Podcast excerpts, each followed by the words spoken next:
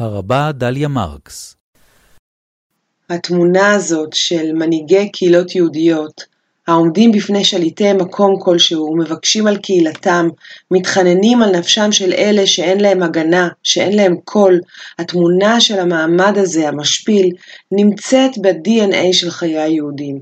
היא חזרה על עצמה שוב ושוב בדורות רבים, ובאתרים רבים, ובהקשרים רבים, אבל הנה לנו הטופס המקורי של התמונה הזאת. המעמד הזה של משה ואהרון בפני משה. מעמד של נחיתות מובנית, נחיתות לכאורה, זאת אנחנו יודעים, כי כגודל ההשפלה כן גודל ההיפרעות ממשה. ויאמר משה, מי אדוני אשר אשמע בקולו, לשלח את ישראל? לא ידעתי את אדוני, וגם את ישראל לא אשלח. משה ואהרון נכשלים פעמיים, גם בפני השליט וגם בפני האנשים שבשמם באו. גם הם מתמרמרים על אשר הבאשתם את ריחנו בעיני פרעה ובעיני עבדיו לתת חרב בידם להורגנו. והשליחות נכשלת.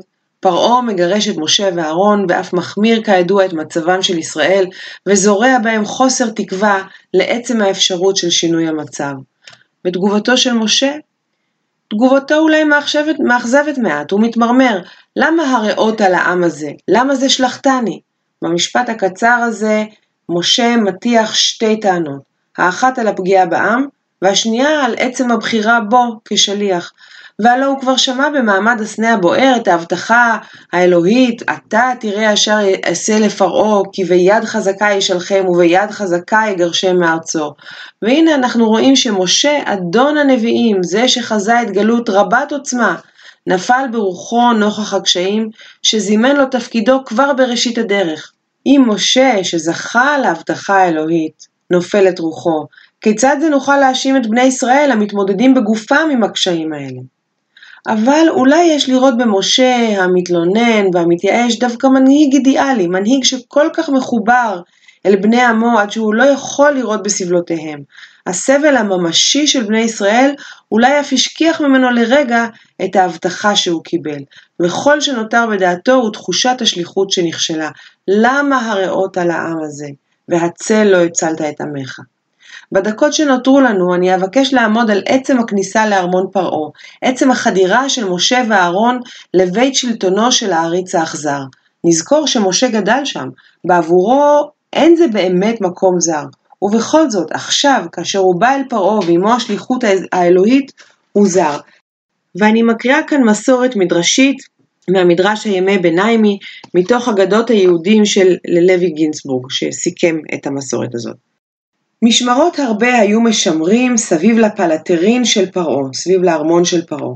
ארבע מאות פתחין היו לו לפלטין, מאה פתחין לכל רוח, ועל כל פתח ופתח היו יושבים שישים אלף גיבורים לשמור עליו. כיוון שראו משה ואהרון כל אוכלוסין הללו, נזדעזעו ועמדו, כן, לא העזו להיכנס. ובא גבריאל והכניסם, הם נכנסו באופן ניסי על ידי גבריאל המלאך. כיוון שראה אותם פרעה אמר, מה טבעם של אלו כאן? מיד הביא שומרי הפתחים, מהם הרג, מהם הלקה, מהם העביר, והעמיד אחרים תחתיהם.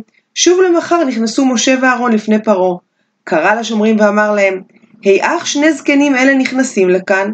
אמרו לו, אין אנו יודעים, כי שפנים הם, שדרך הפתחים אינם נכנסים.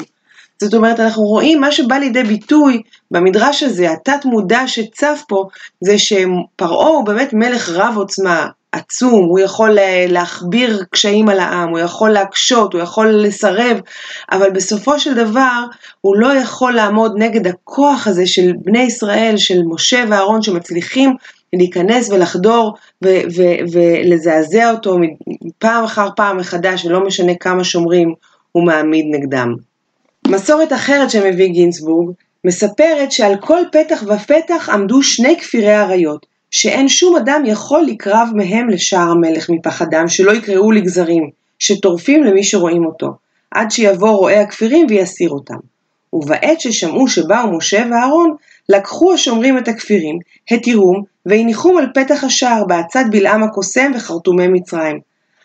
אך בבוא משה ואהרון לפתח השער, ויט משה את מטהו על הכפירים, וישמחו הכפירים לקראתם, ויבואו אחריהם, ושוחקים לפניהם, ומלקקים רגליהם, כשחוק גורי כלבים עם בעליהם, בעת בואם הביתה.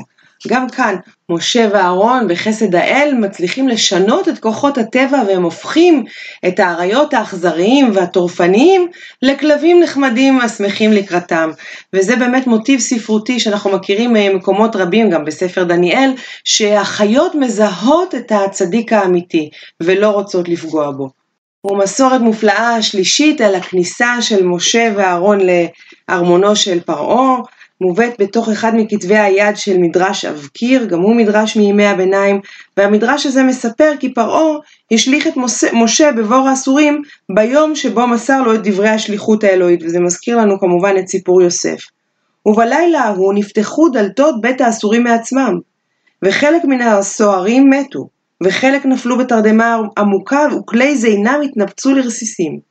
משה יצא ונכנס לתוך ארמונו של פרעה, ומצא את פרעה שנפל גם הוא, כמו השומרים שלו, בתרדמה עמוקה. וכשהמלך הקיץ משנתו, ומשה לחש לו דבר שליחותו, שאל פרעה, מה שם האלוהים אשר שלחך אליי? זה מזכיר את מה שמשה חשב שהעם ישאל אותו. ולא הספיק משה ללחוש לו את שם האלוהים לתוך אוזנו, עד שנתעלף ונפל מלוא קומתו ארצה כמת, ולא חזר לחיים עד שמשה עורר אותו, זאת אומרת משה מציל כאן את פרעה. הנה לפנינו כמה מסורות מדרשיות שמתמודדות עם הכישלון של השליחות של משה.